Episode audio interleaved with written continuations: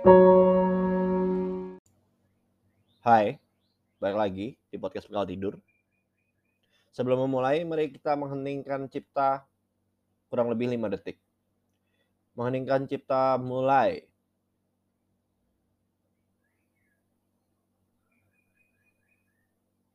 Selesai. Pastinya kalian ngerti kan, gue bakalan bahas apa. Hmm. Gue harus tarik nafas panjang karena ini bukan hal yang mudah buat gue bawain. Kenapa? Karena Indonesia sedang berduka. Khususnya dunia sepak bola Indonesia sedang berduka. Gue berusaha mencari dan terus mencari sisi positifnya. Tanpa mengurangi rasa hormat terhadap korban. Hmm, berat nih, berat, berat. Gue akan sedikit menceritakan kronologi kericuhan yang terjadi di Stadion Kanjuruhan setelah berakhirnya laga Arema versus Surabaya yang dimenangkan oleh Persebaya dengan skor 2-3. Kekalahan skuad Arema itu yang akhirnya memulai menyalakan atau memantik emosi supporter Arema yang sehingga mereka langsung secara sporadis turun ke lapangan dan otomatis pemain juga langsung berlarian menuju ruang ganti untuk mengamankan diri. Gua sejujurnya merasa pedih sekali. Karena kita tahu pasti ada sejumlah anak kecil yang menonton pertandingan ini. Agak sedih nih gue bacanya, duh gimana ya. Supporter yang turun itu tadi mengejar pemain dan benar-benar anarkis lempar-lemparan dengan benda-benda yang ada di sekitar. Lalu ada beberapa kerusakan yang dilakukan dengan merusak beberapa barang seperti bangku pemain, papan iklan, bahkan jaring gawang. Dan juga ada mobil polisi yang juga turut menjadi sasaran amukan massa. Dan mungkin ini sedikit hal yang melegakan yaitu para pemain aman. Tapi memang pemain Persebaya juga sempat tertahan di stadion tetapi mereka aman saat pula menggunakan kendaraan taktis milik polisi atau rantis. Tim telah keluar dari area stadion dan langsung menuju titik evakuasi agar bisa segera kembali ke Surabaya dan beristirahat, tulis akun resmi Persebaya. Sementara pemain Arema tertahan di ruang ganti pemain, mereka yang masih tertahan juga turut membantu menolong korban yang berjatuhan. Karena situasi dan kondisi semakin tidak kondusif, terjadilah gas air mata yang dilontarkan oleh pihak kepolisian. Karena memang tujuan dari polisi yaitu untuk mengamankan kondisi dengan menembakkan gas air mata. Sayangnya asap gas air mata itu mengarah ke tribun dan ngumpul di satu sisi stadion. Dan memang banyak spekulasi mengatakan bahwa asap tersebut yang keluar dari gas air mata menjadi penyebab supporter semakin panik, sesak napas, dan pingsan bahkan memakan korban jiwa. Tentunya ini sangat kita sama-sama sesalkan. Sejujurnya gua pun merasa haru, sedih maksudnya. Bukan terharu karena bahagia, tapi gua sedih gitu dengan terjadinya hal ini. Gue juga lihat di Twitter, sebagian besar orang di sana menyalahkan kepolisian karena telah melontarkan gas air mata. Mengingat memang gas air mata itu punya dampak yang cukup apa ya, membahayakan kesehatan. Ini akan gue sedikit bacakan efek yang terjadi setelah lu di dihirup lah, menghirup gas air mata. Efeknya pada mata yang pertama adalah mata berair, mata gatal, mata terasa terbakar, terus adanya luka bakar di area sekitar mata, pandangan kabur bahkan yang paling fatal bisa menyebabkan kebutaan. Yang kedua, efek pada pernafasan. Menghirup gas air mata dapat menyebabkan iritasi pada hidung, tenggorokan, bahkan paru-paru. Orang dengan kondisi pernafasan yang sudah ada sebelumnya memiliki risiko lebih tinggi mengalami gejala parah seperti gagal nafas. Beberapa efek yang muncul yakni rasa terbakar dan gatal tenggorokan, lalu kesulitan bernafas, batuk, dada sesak, mual muntah, dan yang terakhir paling fatal gagal nafas yang tentunya mengakibatkan kematian. Ini sebuah tragedi sekali lagi. Gue tidak bermaksud menyalahkan apa pun. Tujuan gue buat episode ini adalah untuk menjadi resolusi bersama untuk dunia sepak bola yang lebih maju ke depannya. Dan memang menurut uh, aturan FIFA juga ditulis adanya larangan menggunakan eh, menggunakan gas air mata. dan tidak bisa sepertinya kalau kita menyalahkan polisi sepenuhnya. Mengingat kondisinya sudah sangat chaos dan gue sangat amat yakin jumlah personil yang diturunkan dalam pertandingan Arema melawan Persebaya ini sangat tidak sebanding sehingga kita juga sama-sama tahu dari kurang lebih 153 kalau tidak salah korban meninggal dua di antaranya ada aparat kepolisian. Sebenarnya korban meninggal atau korban luka juga tidak memandang siapa. Mengingat ini adalah sebuah musibah kalau kita ingin memandang dari sudut itu. Gue tidak berharap sama sekali adanya saling tuding. Karena ini bisa jadi koreksi bersama benar-benar baik momentum seperti ini gue tidak bilang kita harus bahagia enggak ini tetap peristiwa yang menyedihkan sangat menyedihkan kita akan pasti berandai kayak misalkan jika ibu atau bapak atau orang tua dari supporter tersebut melarang anaknya berangkat mungkin anaknya masih hidup. Ini juga bisa jadi pertimbangan kembali tentang bahayanya menonton sepak bola di Indonesia.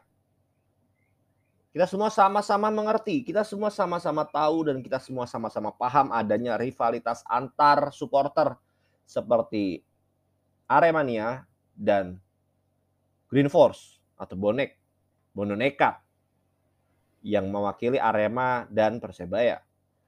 Lalu misalkan juga ada Persib yang diwakili oleh Viking atau Bobotoh dan Persija yang diwakili oleh The Jack.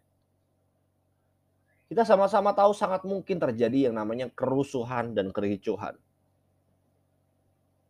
Sejujurnya gua pernah nonton sepak bola sekali kurang lebih 16 atau 17 tahun yang lalu tapi gua memutuskan untuk tidak lagi ikut.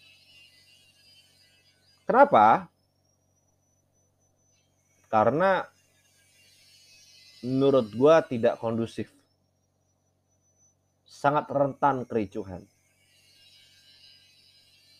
Lalu bagaimana caranya? agak susah memang untuk memaksa sekian puluh ribu orang supporter untuk satu visi, untuk cerdas dan tidak mudah tersulut provokasi.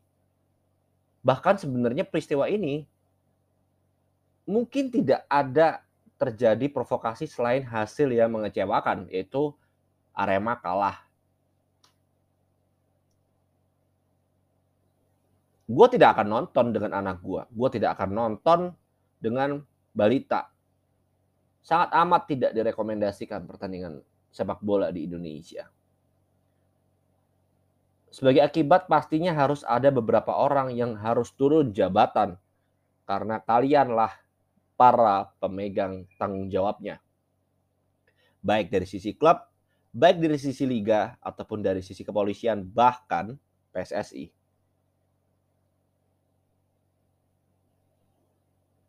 Sejujurnya gua sampai sekarang berharap supporter bola di Indonesia harus mau membayar tarif yang sangat mahal untuk masuk stadion. Seperti misalkan jika mereka terbiasa membayar tarif kurang lebih 25.000 dinaikkan menjadi 100.000. Dan yang kelas VIP misalkan jadi 250.000. Gua rasa tidak perlu banyak penonton untuk menyehatkan keuangan klub. Mainkan iklim menonton bola yang kondusif lah yang semua masyarakat Indonesia harapkan. Wahai PSSI. Kalau ditanya, loh, terus bagi supporter yang tidak mampu bagaimana? Tontonlah TV. Jangan tonton langsung. Kalau memang Anda semua para supporter bola di Indonesia betul-betul mengidolakan klubnya, nabung supaya bisa menciptakan iklim yang kondusif tadi. Gue yakin tiket yang dijual itu terlalu murah. Gue sangat amat yakin. Sehingga stadion dipenuhi banyak sekali orang ya logikanya di sana supporter Persebaya itu pasti minim. Karena itu rival. Mereka tidak berani datang ke Arema. Kanjuruhan pasti mayoritas 90 sekian persen itu isinya Aremania. Tapi faktanya masih terjadi kericuhan. Ini kan jadinya ribet. Oh berarti bukan karena rivalitas dong. Tapi memang indisipliner menurut gua. Terus pertanyaannya apakah salah polisi menembakkan gas air mata? Bisa salah, bisa tidak.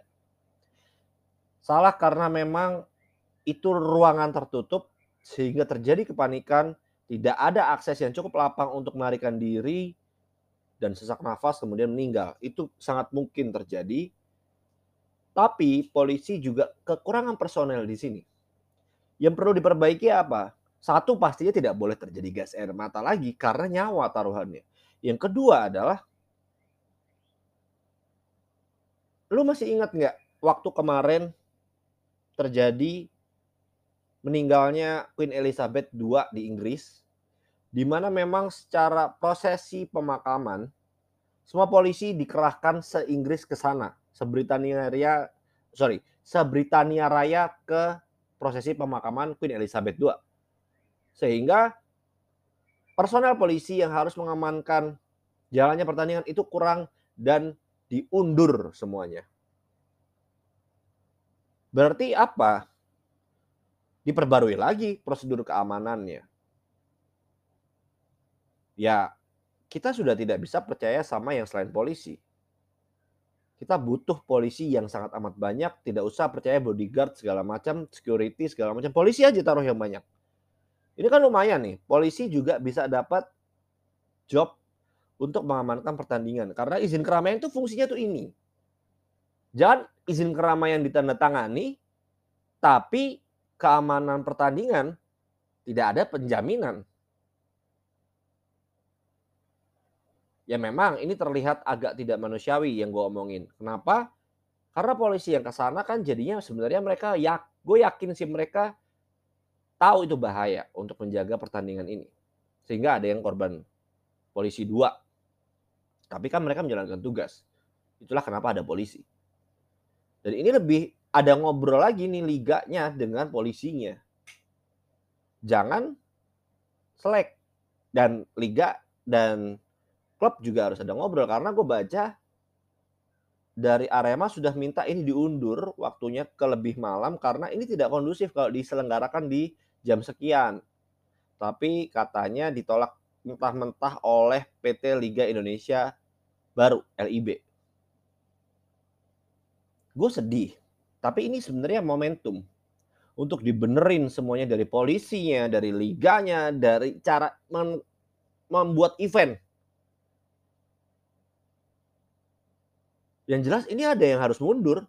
Kapolda Jatim harus mundur, Ketua PSSI harus mundur. Menteri olahraga juga nih lucu. Gue sampai geleng-geleng. Ada kata-katanya beliau mengatakan bahwa aduh gue nggak ngerti lagi dia ngomong apa. Semoga aduh agak agak sebel sebenarnya tapi ya udah ya gue akan cuman aduh gue sedih gue sedih dia itu sampai bilang anjir gue kayak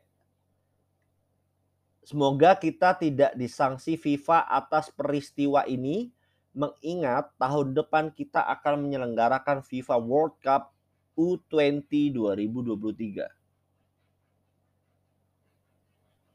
Menteri Bapak Zainuddin Amali.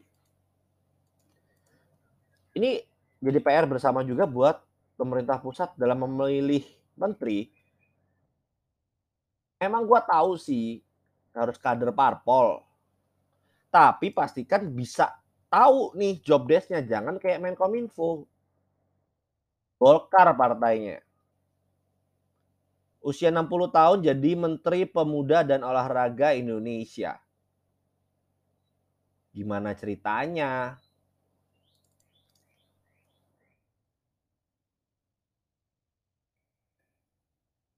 Gimana ceritanya gue tanya. Usia 60 tahun Menteri Pemuda dan Olahraga. Dia tidak punya prestasi sama sekali di bidang olahraga. Dan jadi Menteri Pemuda dan Olahraga. Gimana ceritanya? Menteri juga harus di reshuffle ini. Selevel menteri tidak boleh salah ngomong di momen-momen seperti ini. Ini fatal menurut gua. rekomendasi tadi yaitu ya Pak Presiden mohon dicatat Menteri Pemuda dan Olahraga harus dari shuffle kemudian yang kedua adalah Ketua PSSI harus ganti Kapolda Jatim juga harus lengser entah dimutasi gue nggak peduli gimana caranya karena memalukan sangat memalukan nggak merasa aman orang di sana. Loh, bukannya ketua PSSI juga polisi juga. Nah ini dia masalahnya. Kenapa gue bilang Kapolda Jatim dan ketua PSSI harus diganti. Pada masanya mereka dari institusi yang sama, yaitu Kepolisian Negara Republik Indonesia. Tapi apa? Gak ada komunikasi yang baik. Kok bisa ini terjadi? Pak Iwan Bule jangan diem dan cengengesan aja, Pak. Ini makan korban loh. Dan Pak Zainuddin Amali juga jangan cengengesan aja. Ini fatal menurut gua secara pemilihan kader. Bayangin, menporanya Menporanya nih usia 60-an. Iya kan? Dan ketua PSSI-nya usia 60-an juga.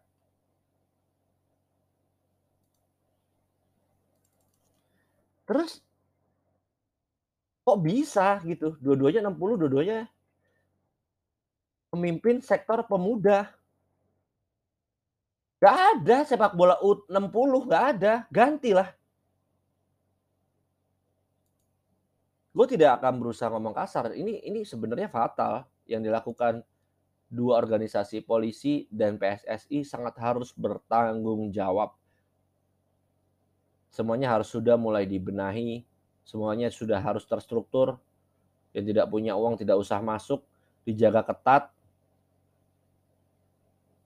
Yang mau dicontoh ada sebenarnya di Indonesia olahraga yang sudah bisa di scale up yaitu basket. Di basket itu tidak diperbolehkan loh. Ketika ada penonton yang provokasi. Dikeluarin. Bola nggak ada. Ini semoga jadi koreksi bersama dan sekali lagi gue turut berduka cita sedalam-dalamnya untuk korban yang menjadi dampak kerusuhan malam kelam Kanjuruhan. Semoga yang meninggal bisa diterima amal ibadahnya dan yang ditinggalkan diberikan ketabahan. Terima kasih. Stay safe semuanya. See you.